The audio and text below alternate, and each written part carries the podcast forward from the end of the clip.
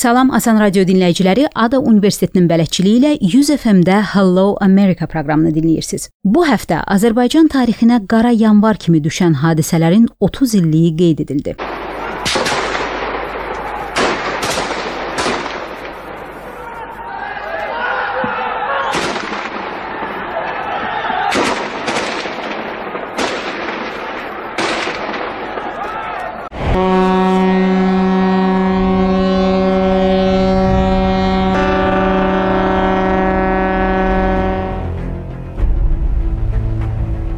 1990-cı il yanvarın 19-undan 20-sinə keçən gecə Bakı şəhərinə Sovet İttifaqının prezidenti Mixail Qarbaçovun əmri ilə yeridilən 26 min Sovet qoşunu Azərbaycan xalqının azadlıq istəyini amansızca basmaq məqsədi güdürdü. İnformasiya blokadası şəraitində Sovet hakimiyyətinin Bakıda törətdiyi zorakılıqlar ilk saatlarda gizli qala bilsə də cəmi bir neçə gün sonra artıq bütün dünya Bakıda baş verən faciədən məlum idi və Sovet hakimiyyətini qınayırdı. Doğru xəbərləri yayan mənbələrdən biri qısa dalğada Amerikanın səsi və ABŞ-ın Azadlıq radiosu idi. Danışır Azadlıq radiosu. Əziz dinləyicilər, Azərbaycan günündə verilişə başlayırıq. Yanvarın 20-sində gecə yarısı saat 00:20 dəqiqədə SSR Daxili İşlər Nazirliyinin hərbi hissələri tankların, topların, dirəkli maşınların və minamyotların köməyi ilə Bakıda dinc əhaliyə atəş aça-aça küçələrdə irəliləməyə başlamışlar. Hörmətli dinləyicilər, Bakıda şiddətli atışmalar davam edir. Azərbaycanın ABŞ-dakı ilk səfiri Hafiz Paşayev Yüksəlişə doğru kitabındakı memuarlarda yazır. Sovetlərin yaratdığı informasiya blokadası şəraitində Qarbaçovun nüfuzunu sarsıtmaqdan ehtiyat edən və səhv məlumatlandırılmış Qərb çox tədbirlə hərəkət edirdi.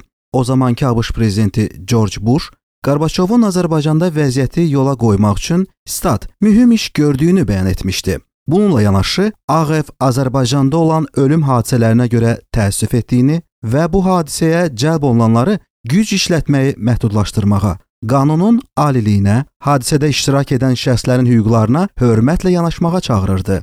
Qərb bir şeyi başa düşə bilmədi ki, 1990-cı ilin yanvar ayında Bakıda baş verən hadisələr Azərbaycan üçün 1956-cı ildə Macaristanda, 1968-ci ildə Çexoslovakiyadakı hadisələrdən fərqlənmirdi. Qərbdə bəziləri Qarbaçovun bəhanələrinə aldansa da, Azərbaycan xalqı aldanmadı və öz suverenliyini bərpa edən bir prosesi başladı. Rəsmi Vaşinqtonun siyasi korrekt tonundan fərqli olaraq ABŞ mediası və qeyri-hökumət təşkilatları daha obyektiv yanaşma nümayiş etdirirdilər. Nyu-Yorkda yerləşən Human Rights Watch hüquq müdafiəsi təşkilatının hadisələrdən 1 il sonra çıxan qiymətləndirilməsində deyilirdi.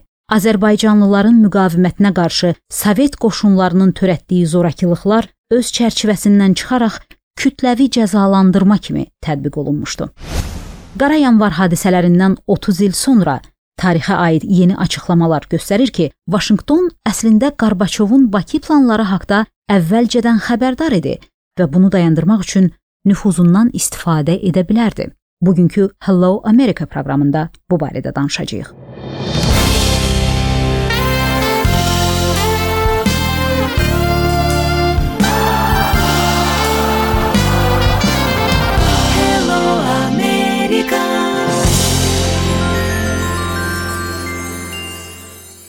20 yanvar hadisələri Azərbaycanlıların doğum şəhadətnaməsidir. Onlar nəinki öz ölkələrini yaratdılar, həm də dünyanı dəyişdirdilər. ABŞ dövlət katibinin Sovet İttifaqı məsələləri üzrə sabiq müşaviri, tanınmış ekspert Paul Gobel Bakıdakı tarixi hadisələrə belə qiymət verirdi. O, qara yanvarı Sovet İttifaqının öldüyü vaxt, Bakını isə öldüyü məkan adlandırırdı. What happened in Baku showed that whatever Gorbachev said or did the days of the US the Soviet Union were numbered. I think that Mr. Gorbachev should be remembered as the butcher of Baku and not as the father of Glasnost.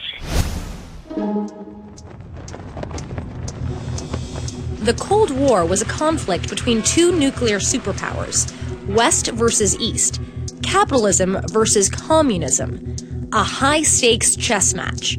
Sovet İttifaqının süqutu ilə soyuq müharibənin bitməsi Amerika xarici siyasətinin bu gün də ən çox marağa səbəb olan hadisəsidir. Bu mövzuda yazılan At the Highest Level: The Inside Story of the End of the Cold War adlı kitab soyuq müharibənin bitməsi dövründə Moskva və Vaşinqtonun səhnə arxasında təmaslarına nəzər salır. ABŞ dövlət katibinin sabiq müavini Strobe Talbot və Ağ Ev tarixçisi Michael Besklos'un müəllifi olduğu bu kitabda George Bush və Mikhail Gorbaçovun ictimai gözdən kənar bir sıra mühüm qlobal strateji məsələlərlə bağlı məlumat mübadilələri açıqlanıb. Uh, we agreed here Uh, to tackle the next challenge. President Gorbachev talked about that, furthering economic reform in the USSR and uh, seeking to integrate uh, the Soviet economy into the international system.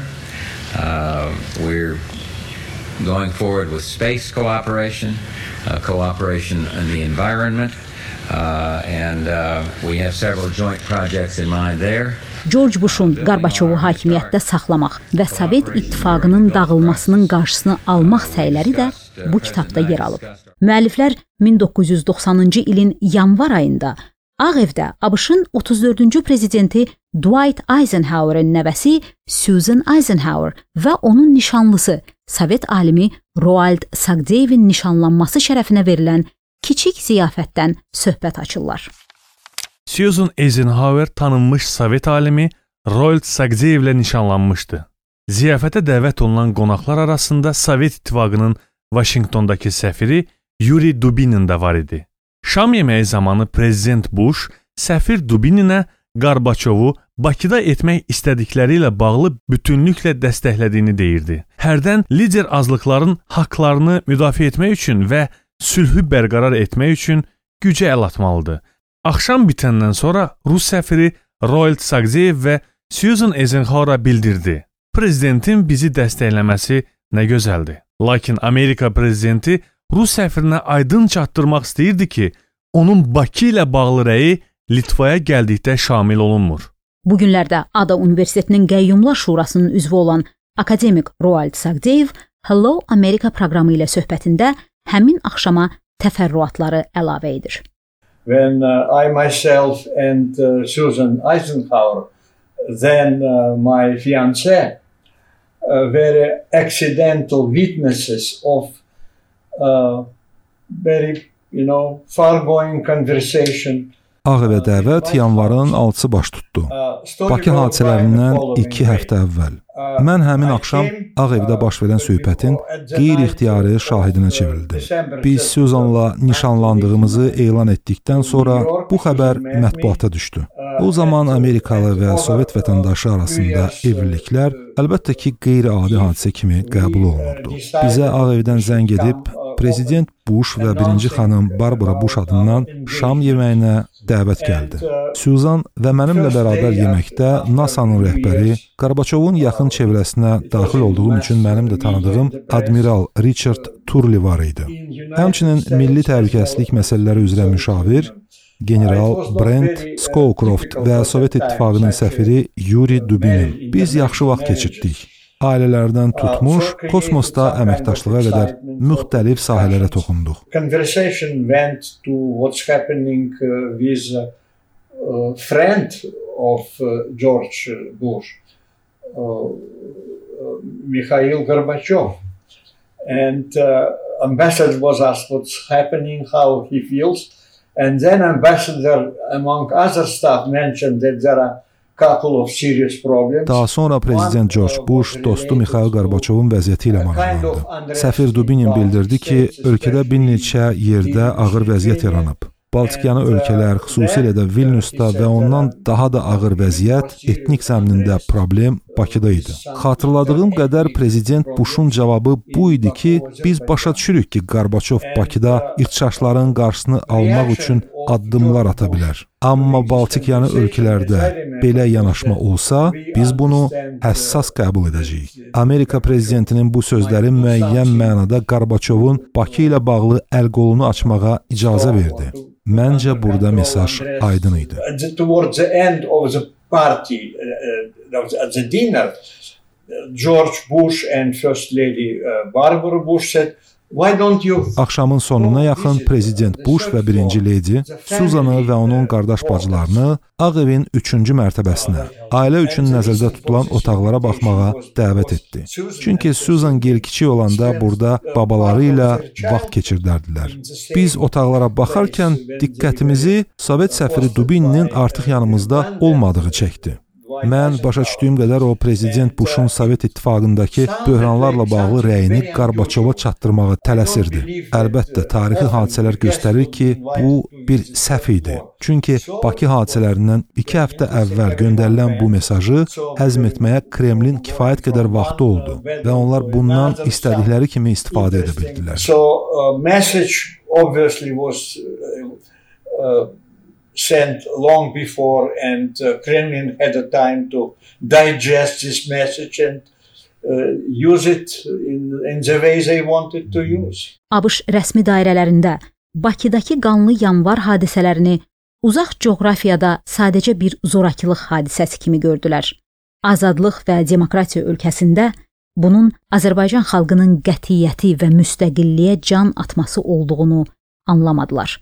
Lakin tarix göstərdi ki, Qara yanvar onsuz da can verməyə başlayan Sovet imperiyasının sonunu tələsdirdi. I think the West made a profound mistake in not seeing what happened in Baku as the crime against humanity that it was.